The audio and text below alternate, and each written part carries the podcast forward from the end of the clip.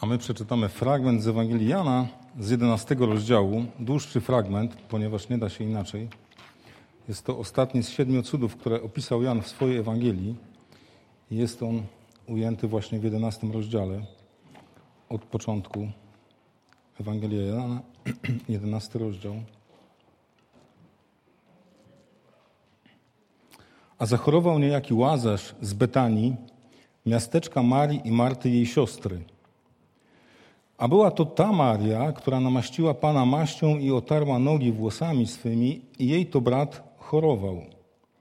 Posłały więc siostry do niego, mówiąc, Panie, oto choruje ten, którego miłujesz. A usłyszawszy to, Jezus rzekł, ta choroba nie jest na śmierć, lecz na chwałę Bożą, aby Syn Boży był przez nią uwielbiony. A Jezus miłował Martę i jej siostrę i Łazarza. A gdy usłyszał, że choruje, został jeszcze dwa dni na miejscu, gdzie przebywał. Potem rzekł do uczniów swoich, pójdźmy znowu do ziemi judzkiej. Rzekli do niego uczniowie, mistrzu, dopiero co chcieli cię Żydzi ukamienować i znowu chcesz tam iść? Odpowiedział Jezus, czy dzień nie ma dwunastu godzin?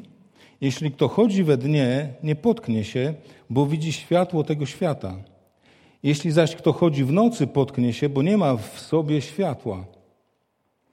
To powiedział, a potem rzekł do nich: Łazarz, nasz przyjaciel, zasnął, ale idę zbudzić go ze snu. Wtedy rzekli uczniowie do niego: Panie, jeśli zasnął, zdrów będzie. Ale Jezus mówił o jego śmierci, oni zaś myśleli, że mówił o zwykłym śnie. Wtedy to rzekł im Jezus wyraźnie: Łazarz umarł. I raduję się, że tam nie byłem ze względu na was, bo uwierzycie, lecz pójdźmy do niego. Wtedy rzekł Tomasz, zwany bliźniakiem, do współuczniów: Pójdźmy i my, abyśmy razem z nim pomarli. Przyszedł wtedy Jezus i znalazł go już od czterech dni w grobie, a Betania była blisko Jerozolimy, około piętnastu stadiów. I przyszło wielu Żydów do Marty i Marii, aby je pocieszyć po stracie brata. A gdy, gdy więc Marta usłyszała, że Jezus idzie, wybiegła na jego spotkanie, ale Maria siedziała w domu. Rzekła więc Marta do Jezusa: Panie, gdybyś tu był, nie byłby umarł brat mój. Ale i teraz wiem, że o cokolwiek byś prosił Boga, da ci to Bóg. Rzekł Jezus: Zmartwychwstanie brat twój. Odpowiedziała mu Marta: Wiem, że zmartwychwstanie przy zmartwychwstaniu w dniu ostatecznym. Rzekł jej Jezus: Jam jest zmartwychwstanie i żywot. Kto we mnie wierzy, choćby i umarł, żyć będzie. A kto żyje i wierzy we mnie, nie umrze na wieki. Czy wierzysz w to? Rzecze mu: Tak, panie. Ja uwierzyłam, że Ty jesteś Chrystus, Syn Boży, który miał przyjść na świat. A gdy to powiedziała, odeszła i zawołała Marię, siostrę swoją, i rzekła jej w tajemnicy: Nauczyciel tu jest i woła cię. A ta, skoro to usłyszała, wstała śpiesznie i poszła do niego, a Jezus jeszcze nie przyszedł do miasteczka, ale był na tym miejscu, gdzie go spotkała Marta. Żydzi więc, którzy byli z nią w domu i pocieszali ją, ujrzawszy, że Maria szybko wstała i wyszła, poszli za nią w mniemaniu, że idzie do grobu, aby tam płakać. Lecz gdy Maria przyszła tam, gdzie był Jezus i ujrzała go, padła do nóg, padła mu do nóg, mówiąc do niego: Panie, gdybyś tu był, nie byłby umarł brat mój. Jezus wtedy, widząc ją płaczącą i płaczących Żydów, którzy z nią przyszli, rozrzewnił się w duchu i wzruszył się i rzekł: Gdzie go położyliście? Rzekli do niego: Panie, pójdź i zobacz. I zapłakał Jezus. Rzekli więc Żydzi: Patrz, jak go miłował. A niektórzy z nich mówili: Nie mógł ten, który ślepemu otworzył oczy, uczynić, aby i ten nie umarł? Jezus znowu, rozgrzewniwszy się w sobie, poszedł do grobu. Był, była tam pieczara, u której wejścia leżał kamień. Rzekł Jezus: Usuńcie ten kamień. Rzekła mu Marta, siostra umarłego: Panie, już cuchnie, bo już jest czwarty dzień w grobie. Rzekł jej Jezus: Czyż ci nie powiedziałem, że jeśli uwierzysz, oglądać będziesz chwałę Bożą? Usunęli więc kamień, gdzie leżał umarły, a Jezus, wzniósłszy oczy w górę, rzekł: Ojcze, dziękuję Ci, żeś mnie wysłuchał. A ja wiedziałem, że mnie zawsze wysłuchujesz, ale powiedziałem to ze względu na lud stojący wokół, aby uwierzyli, że Tyś mnie, że Ty mnie, żeś Ty mnie posłał. A gdy to rzekł, zawołał donośnym głosem: Łazarzu, wyjdź. I wyszedł umarły, mając nogi i ręce powiązane opaskami, a twarz jego była owinięta chustą.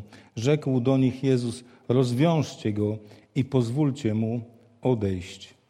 To jest siódmy, ostatni cud, który Jan umieścił w swojej Ewangelii. I no, jak tutaj ostatnio też czytaliśmy e, o uzdrowieniu tego ślepego od urodzenia w dziewiątym rozdziale, też zajęło to sporo miejsca w Ewangelii, opis tej sytuacji i potem reakcji związanej z tym uzdrowieniem. Tutaj również mamy e, szerszy opis. Jan jest bardzo taki szczegółowy e, pod pewnym względem w opisywaniu tych, tych cudów, zwłaszcza tutaj, jeżeli chodzi o Łazarza, bardzo szczegółowo opisuje relacje, które zachodzą między uczestnikami tego, tego wydarzenia. Wcześniej czytalibyśmy znowu, że Jezus udał się w 40 wersecie poprzedniego rozdziału, znowu odszedł za Jordan na miejsce, gdzie dawniej Jan chrzcił i tam pozostał. A dlaczego tam się udał? Bo w 33, 31 wersecie czytamy, Żydzi znowu naznosili kamieni, aby go ukamienować. Powtarza się sytuacja, która poprzednio miała miejsce po, przed uzdrowieniem e, przed uzdrowieniem tego ślepego w dziewiątym rozdziale. Znowu to, co powiedział o sobie Jezus, zaświadczając, że jest synem Boga, że Bóg Ojciec jest jego ojcem, e, spowodowało taką reakcję, że Żydzi naznosili kamieni, aby go ukamienować. Więc Jezus oddalił się ze świątyni, bo tam wcześniej dyskutował z faryzeuszami, z uczonymi w piśmie, oddalił się do miejsca, gdzie Jan wcześniej chrzcił. A to miejsce nazwane jest w pierwszym rozdziale Ewangelii Jana, w 28 wersecie, e, to się działo w Betabarze za Jordanem, gdzie Jan chrzcił, więc prawdopodobnie Jezus właśnie udał się do tego miejsca zwanego Betabara. I to jest od Jerozolimy na wschód, jest Jerozolima, Jordan jest na wschodzie, więc to jest za Jordanem, miejsce dzisiaj uważane za miejsce, w którym Jan chrzcił, w którym Jezus też został ochrzczony. E, oddalone jest, y, no tak, w prostej linii to jest ponad 30 kilometrów, ale trzeba iść przez góry. To jest droga prowadząca z Jerozolimy do Jericha. E, wiemy, że to była droga e, taka pustynna, niebezpieczna. Jezus e, mówi o miłosiernym Samarytaninie, który udzielał napadniętemu, idącemu z Jerozolimy do Jericha, więc ta E, ta opowieść świadczy o tym, że ta droga była znana z tego, że e, właśnie udając się przez tą judzką pustynię, przez takie niezamieszkałe tereny, dostając się z Jerozolimy do Jericha, można być narażonym na takie niebezpieczeństwo. Więc e, ta droga była kręta, była górzysta, na pewno zajmowała więcej niż jeden dzień drogi.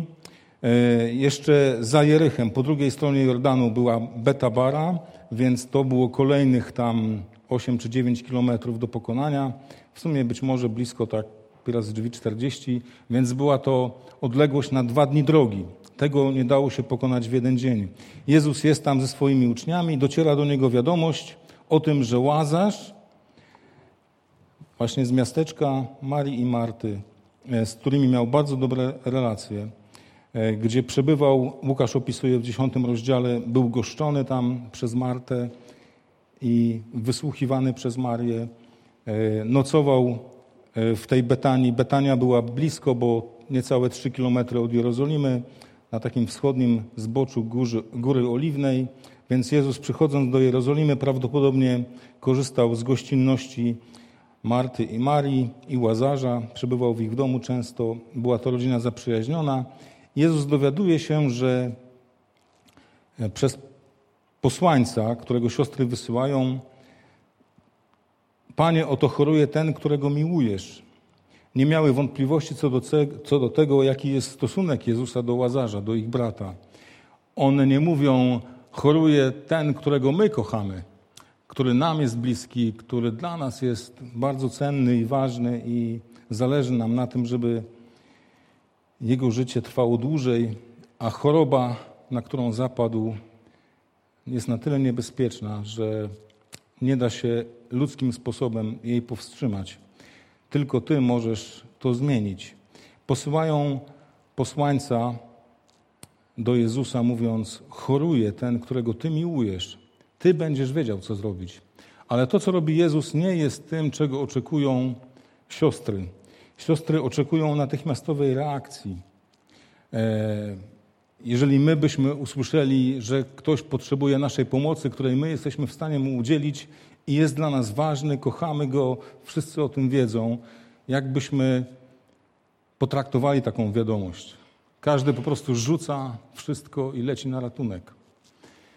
I powiedzielibyśmy, że no, widać, jak bardzo ważny był ten ktoś, skoro wszystko inne przestaje mieć znaczenie i po prostu on staje się najważniejszy w tej danej chwili. Ale Jezus tak nie reaguje. Ale co ciekawe, nie oznacza to, że ich nie kochał, że nie kochał łazarza. Mało tego, Jan e, chce nas zapewnić o miłości Jezusa do Marii, mówiąc w piątym rozdziale, w piątym wersecie, a Jezus miłował Martę i jej siostrę i Łazarza. Zapewnia wszystkich o tym, że Jezus obdarzał ich miłością. Mało tego, w jedenastym rozdziale on potwierdza, mówi, to powiedziałem, a e, to powiedział, a potem rzekł do nich Łazarz, nasz przyjaciel zasnął, ale idę zbudzić go ze snu. Po dwóch dniach jeszcze, kiedy czekał na to, aż ta śmierć nadejdzie, powiedział nasz przyjaciel. On przyznaje się do przyjaźni z Łazarzem, do bliskiej więzi z nim. I kiedy spotyka Marię i Martę, słyszę te same słowa. Siostry mają takie samo zdanie o tym za późnym przybyciu Jezusa na miejsce ratunku. Gdy więc Marta usłyszała, że Jezus idzie, w 20 wersecie, wybiegła na jego spotkanie, ale Maria siedziała w domu. Rzekła więc Marta do Jezusa: Panie, gdybyś tu był, nie byłby umarł brat mój. I widzimy znowu, nie tylko historia opowiada reakcje ludzi, które zachodziły między nimi, między Jezusem a Martą, między Jezusem a Marią, między Jezusem a uczniami, między Żydami, którzy przyszli pocieszać Martę i Marię, między Jezusem a Łazarzem. Widać tam taką sieć relacji e, i na czym te relacje polegały, ale też widać tą różnicę w osobowościach i Marty, i Marii. Wiemy, że Marta była osobą, która krzątała się wokół tej różnej posługi i nie była zadowolona, Łukasz opisuje w dziesiątym rozdziale, z tego powodu, że jej siostra Maria siedzi zasłuchana u stóp Jezusa i jakby o Bożym świecie zapomniała, zamiast krzątać się i pomóc jej w takich normalnych obowiązkach związanych pewnie z gościnnością, z ugoszczeniem Jezusa. Widać, Marta była taką kobietą Dzisiaj powiedzielibyśmy taką ogarniętą. Maria bardziej taką melancholijną, taką zasłuchaną, może jakąś marzycielką, może gdzieś tam ta bliskość z Jezusem była dla niej na tyle ważna, że te dzbanki, talerze po prostu traciły swoje znaczenie. Wtedy, kiedy on był w jej domu, słuchała jak zaczarowana. I widać, widać ten temperament, tą różnicę w osobowościach też w tym momencie. Co się dzieje, kiedy Jezus zbliża się do Betanii? Marta o tym wie. Marta po prostu kontroluje wszystko. Marta dokładnie wiedziała, kogo wysłać przed wieś, e, z, e, jakby z takim zadaniem czuwania i wypatrywania Jezusa. To była Marta. Marta na, tyl, na, na wieść o tym, że Jezus się zbliża, po prostu leci tam a Maria nie jest w stanie się ruszyć z miejsca. Maria nawet nie wie, że Marta wyszła. Ona po prostu jest w swojej rozpaczy. I zobaczmy, że Jezus szanuje tą różnicę tych dwóch osób. On do jednej przychodzi z wyjaśnieniem, z dyskusją, e, z tłumaczeniem, a do drugiej nic nie mówi. On widzi ją płaczącą i od razu mówi, gdzie go położyliście. On wie, że nic nie będzie w stanie dotrzeć do tej kobiety, żadne tłumaczenie, żadne rozmowy, żadne wyjaśnianie. Ona po prostu jest pochłonięta w żałobie I Jezus to rozumie. Taki jest Jezus. On rozumie niepokój uczniów, którzy mówią do niego: Tak, pójdziemy, bardzo proszę, przed chwilą chcieli cię ukamienować, a ty chcesz iść na pewną śmierć. To znaczy, że my pójdziemy z tobą i też umrzemy. I on szanuje ich strach i lęk i zapewnia ich o, im, o ich bezpieczeństwie. Mówi: Przyszedłem wypełniać wolę Bożą. Dzień ma 12 godzin, idziemy w dzień. To jest czas przeznaczony przez Boga na to, żeby działać, żeby wykonywać wolę Ojca. I Bóg będzie czuwał nad nami, jeżeli będziemy postępować za dnia, nie w ciemności, nie w nocy. Nie grozi nam żadne niebezpieczeństwo. Przede wszystkim to ja narażam swoje życie, a nie wy. I on widzi tą różnicę w ludziach, z którą jakby każdą we właściwy sposób e, spotyka, traktuje, odpowiada, postępuje, to jest Jezus. To jest nasz mistrz i nauczyciel. On nie podchodzi do każdego tak samo, każdego według jego zdolności do, do zrozumienia tego, co, co chce przynieść, pokazać.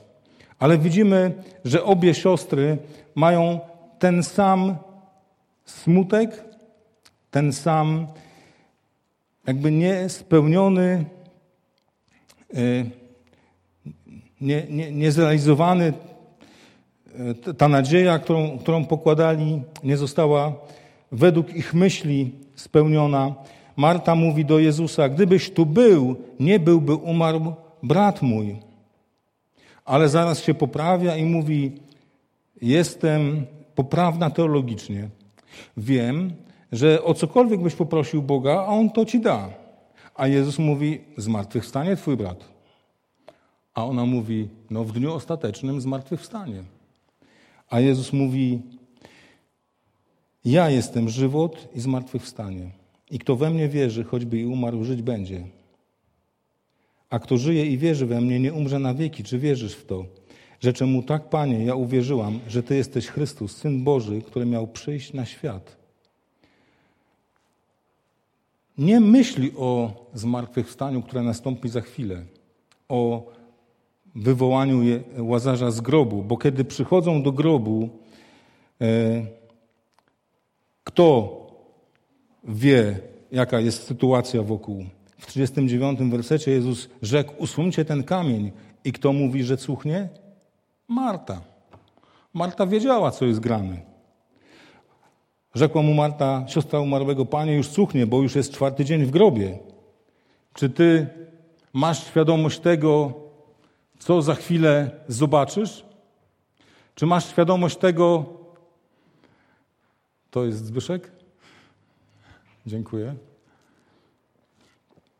Czy masz świadomość tego, co tam za chwilę zostanie odsłonięte? To jest Marta. Marta wszystko po prostu nad wszystkim panuje. Wszystko ogarnia, każdy szczegół. Za chwilę grozi ci po prostu uderzenie jakimś przykrym zapachem rozkładającego się ciała. Marta wiedziała, co się dzieje z człowiekiem po czterech dniach, kiedy leży w grobie. Ona mówiła: Panie, to jest niemożliwe, żeby, żebyś nie doświadczył takiej reakcji, skoro już jest czwarty dzień w grobie.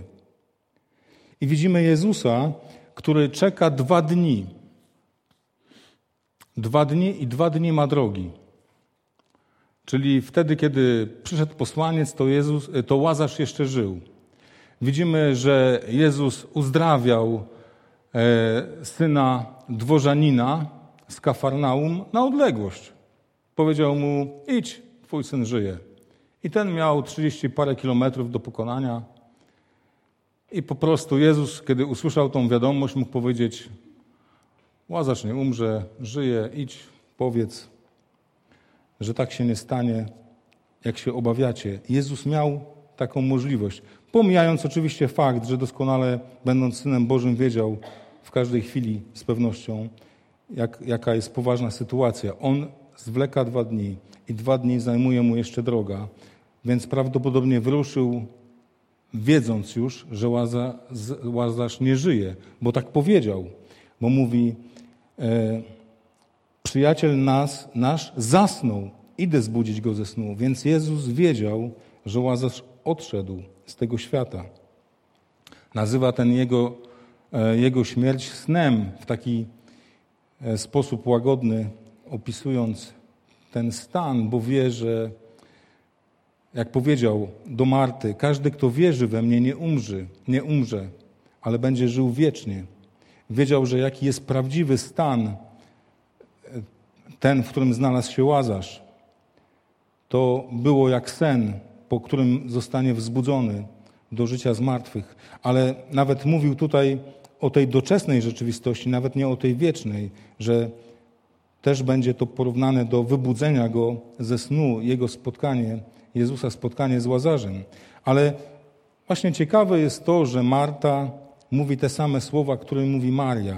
Na pewno możemy wyobrazić sobie napięcie, w jakim były te kobiety, wysyłając posłańca, który miał do przejścia dwa dni drogi, z, takim napięciem, czy dotrze ta wieść do Jezusa, bo były pewne Jego reakcji, Jego miłości, miłości Jezusa do Łazarza. Najważniejsze było to, żeby w porę dotarła wieść o niebezpieczeństwie, jakie, jakie czeka Łazarza. I możemy sobie uświadamiać napięcie, w jakim czekały. Ostatnie chwile życia ich ukochanego brata, posłaniec wysłany z wieścią, czy wszystko będzie na czas. I kiedy wraca posłaniec, Łazarz prawdopodobnie jest już pochowany, ponieważ w tamtym klimacie wiemy, że ciała nie można pozostawiać nawet y, na drugi dzień i czekać z pochówkiem, tylko raczej tego samego dnia dokonuje się, dokonuje się pogrzebu. Łazarz był cztery dni w grobie.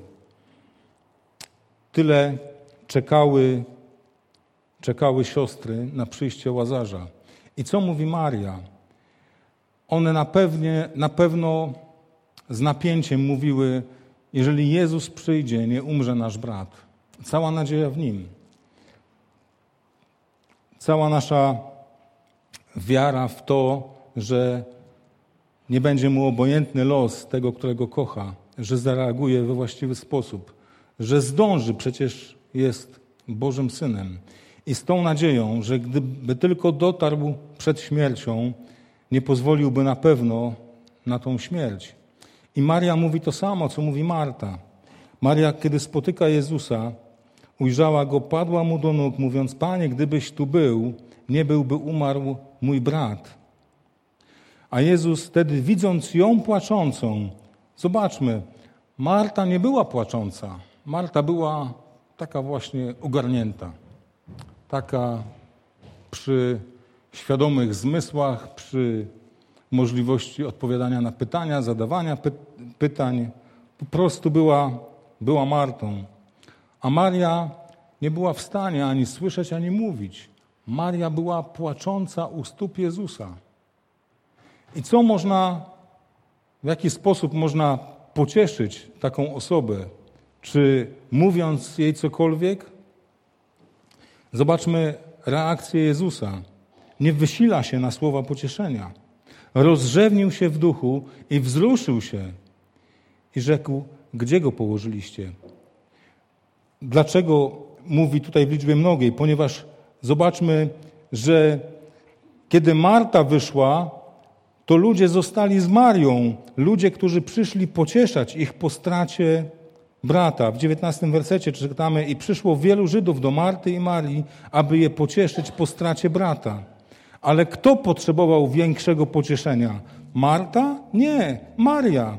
Żydzi, którzy byli z nią w domu, z Marią w 31 wersecie i pocieszali ją, ujrzawszy, że Maria szybko wstała i wyszła, poszli za nią w mniemaniu, że idzie do grobu, aby tam płakać. Oni poszli pocieszać tą, która tej pociechy potrzebowała, czy współczucia, czy obecności innych ludzi. I Jezus robi tak samo. Jezus, Jezus widząc płaczącą Marię, rozrzewnia się w duchu, wzrusza się i mówi do ludzi wokół, gdzie go położyliście? Rzekli do niego, Panie, pójdź i zobacz. I co Jezus? Płacze. Płacze z płaczącymi. List do Rzymian, 12 rozdział. Weselcie się z weselącymi się, płaczcie z płaczącymi.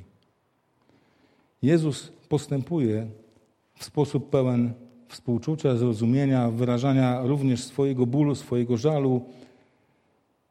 Przecież wiedział, że za chwilę wstanie Łazarz z grobu. Przecież mógł powiedzieć: Szkoda łez, ogarnij się, kobieto. Zobaczysz za chwilę, co się stanie. Nie robi tego. Dlaczego? Szanuje jej stan. Szanuje jej sposób przebywania tego bólu, sposób przebywania tej straty, współczuje jej. To jest Bóg. On nie mówi, spójrz na Martę, ta to się nie rozczula nad sobą. Ona jeszcze wszystkim obiad ugotowała. Posprzątała chałupę i to jeszcze rano, zanim słońce wstało. Już była na podwórku, pozbierała wszystkie jajka z kurnika, wydoiła krowy, kozę wyprowadziła na pastwisko. Zobacz na swoją siostrę, dziewczyno, nie masz się. Jezus tak nie robi. Jak wielu mądrych chciałoby podnieść na duchu może innych, myśląc, że są tacy, jacy inni są, a czy powinni być tacy, jacy inni są. Jezus szanuje tą różnicę. Płacze z nią. Płacze, chociaż za chwilę powie do łazarza: wstań, wyjdź z grobu, i on wyjdzie.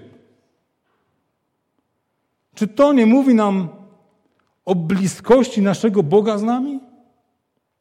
Że On jest w tym naszym roztargnieniu, zagubieniu, zamieszaniu, może rozpaczy, może zwątpieniu, że On jest z nami w tej naszej sytuacji?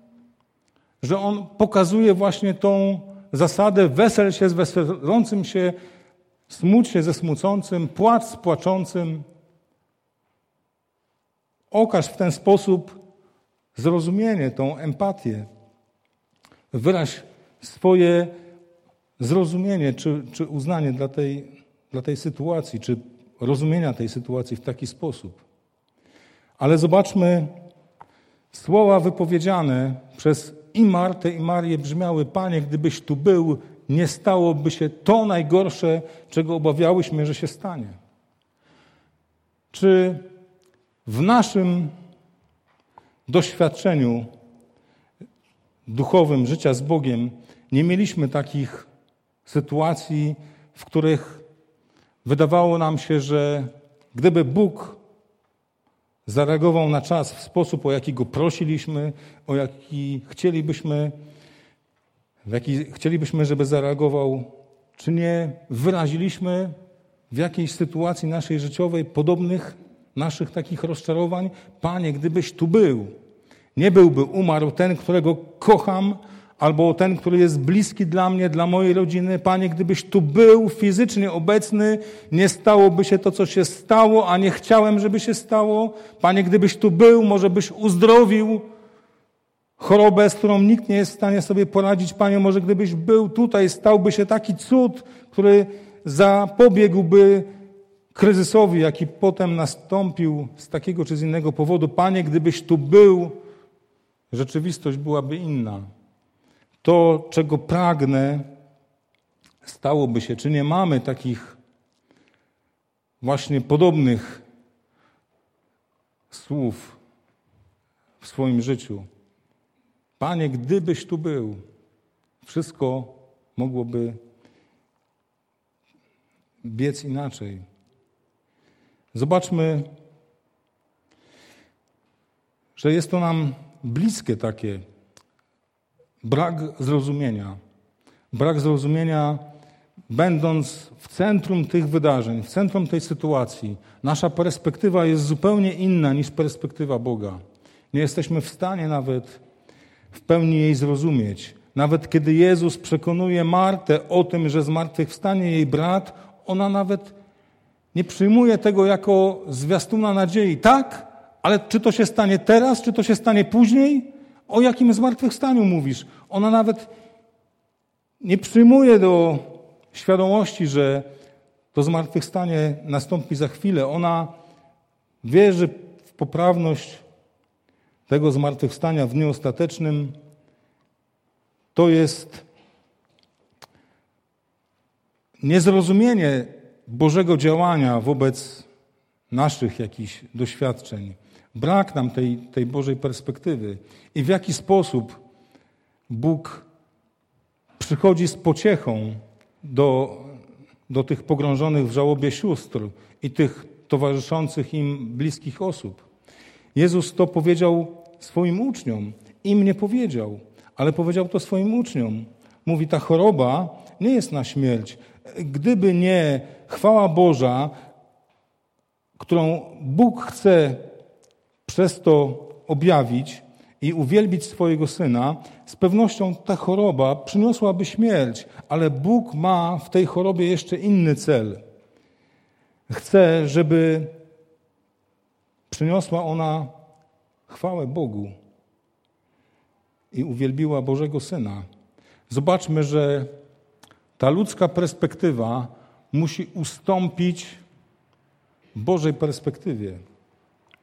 Bóg jest tym, który zna całość sytuacji, który zna koniec tego bólu, koniec tego doświadczenia, koniec cierpienia, jaki jest jego cel. Bóg to wszystko wie, my tego nie wiemy. My mamy inną perspektywę, my byśmy chcieli tu i teraz, byśmy chcieli zapobiec czemuś niechcianemu w naszym życiu, ale Bóg może chcieć inaczej. I to jest trudność, która spotyka tutaj Marię i Martę. Zobaczmy, w jaki sposób Jezus pociesza Marię, Martę. Mówi do niej, ona mówi o zmartwychwstaniu w dniu ostatecznym, a on mówi, ja jestem zmartwychwstaniem. Co Jezus chce przez to powiedzieć? Mówi, że ja mam władzę, ja, Syn Boży, mam władzę nad śmiercią i życiem. Moja osoba jest w stanie zrobić coś, co wykracza poza ludzkie możliwości, poza ludzkie zrozumienie. Człowiek leżący cztery dni w grobie, w tamtym klimacie, nie wiadomo nawet gdzie by go tam nie zachowywali, w jakiej pieczarze, w jakich warunkach temperaturowych, po czterech dniach leżenia w grobie zachodzą nieodwracalne procesy gnicia ludzkiego ciała. Żadna część tego ciała nie mogłaby być przywrócona do życia w taki naturalny sposób. Dlaczego być może Jezus czekał te cztery dni? Ponieważ w tych wierzeniach takich tradycyjnych żydowskich myślano, że dusza krąży wokół ciała zmarłego, czekając trzy dni. Ale kiedy widzi, że po trzech dniach to ciało już nie będzie zdolne do życia, rezygnuje z oczekiwania na powrót tej duszy do tego ciała i po trzech dniach odchodzi.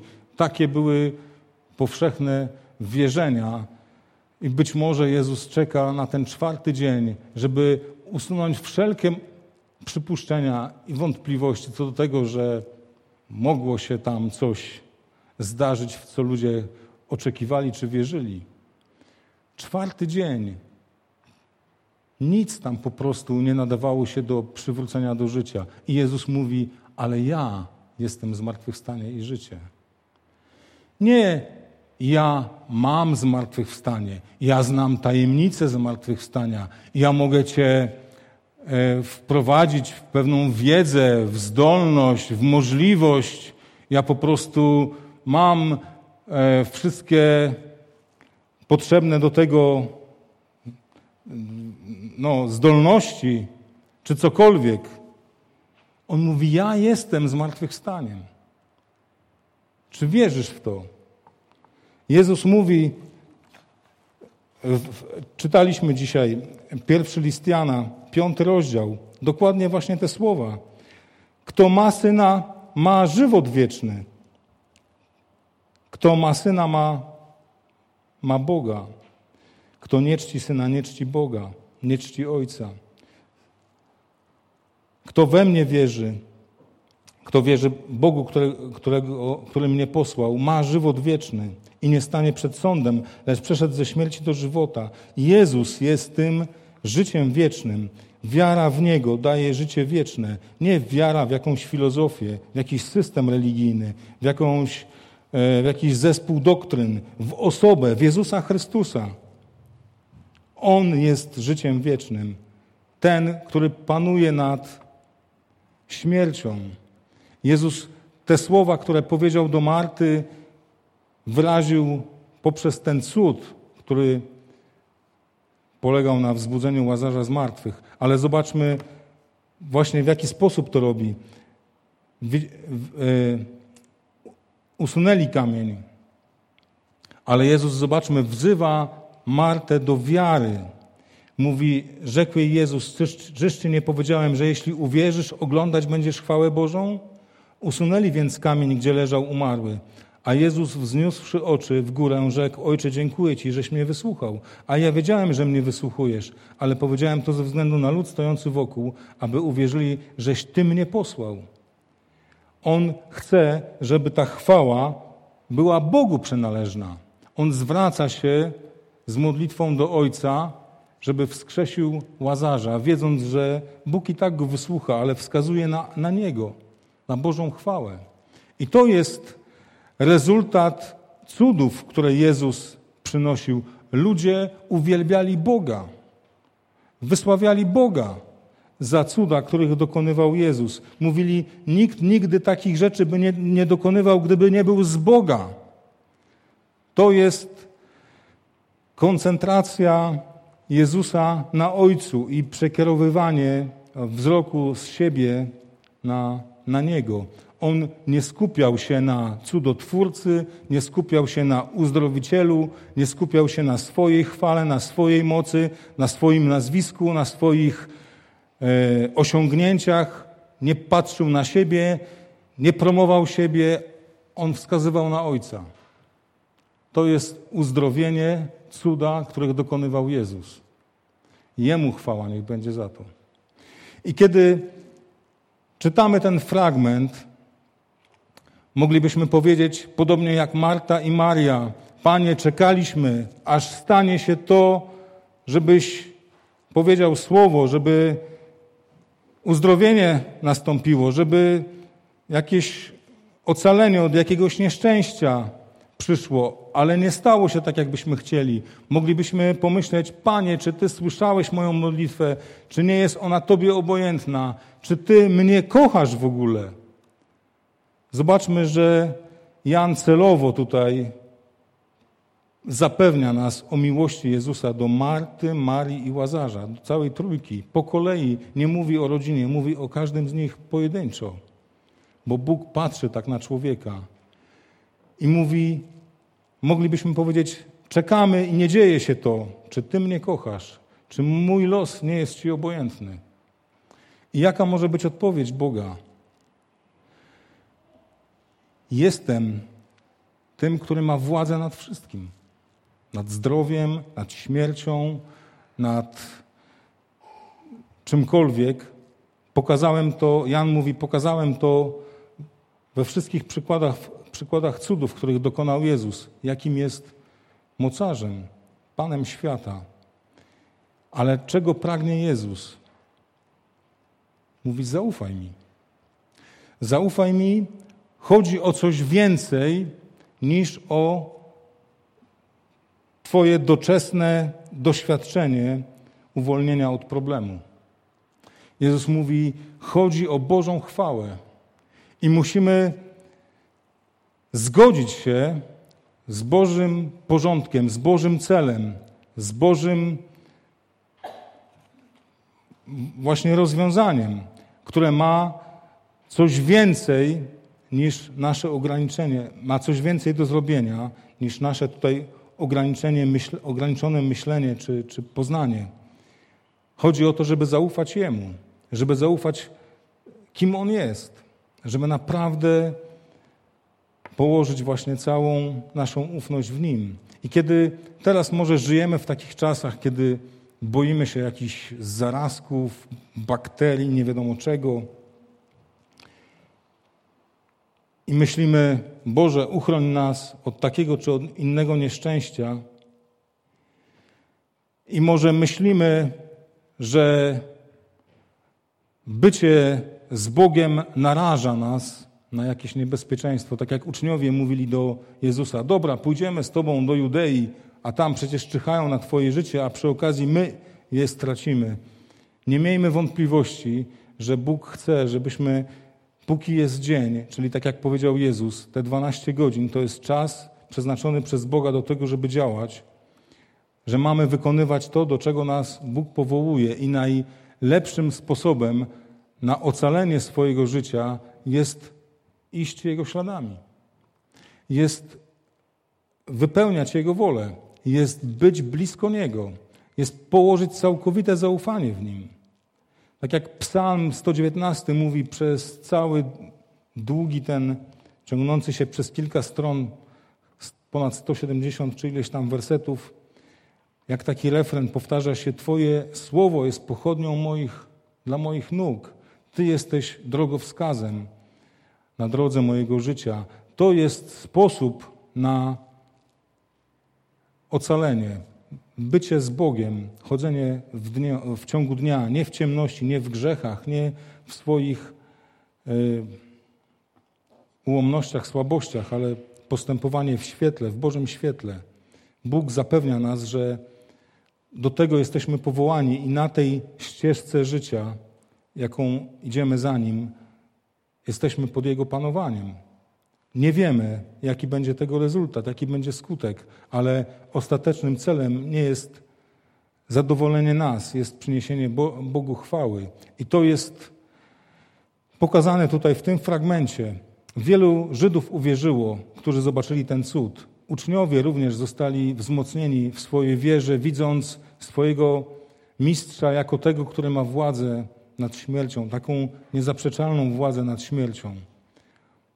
Można przejść poza strach nad własnym życiem, wiedząc, że, że w Jego rękach jest wszystko. To jest zachęta do tego, żeby w taki sposób podchodzić do naszych doświadczeń, do naszych rozczarowań co do braku odpowiedzi Jezusa na nasze modlitwy, na e, nieoczekiwane może rozwiązania, nie po naszej myśli, położyć całkowitą nadzieję w Nim. Czy moim celem jest Boża chwała? To jest pytanie, z jakim chciałbym nas zostawić. Czy moim celem mojego życia, moich doświadczeń, tego przez co przechodzę, jest Boża chwała, czy jest takie doczesne tutaj zaradzenie temu problemowi? Jeżeli jest Boża chwała, to jestem skłonny ustąpić ze swoich oczekiwań, czy nadać priorytet Bo Bożemu rozwiązaniu, w takim właśnie zaufaniu, że On nad wszystkim panuje. I to jest e, myśl, którą chce Jezus w nas wszczepić tutaj.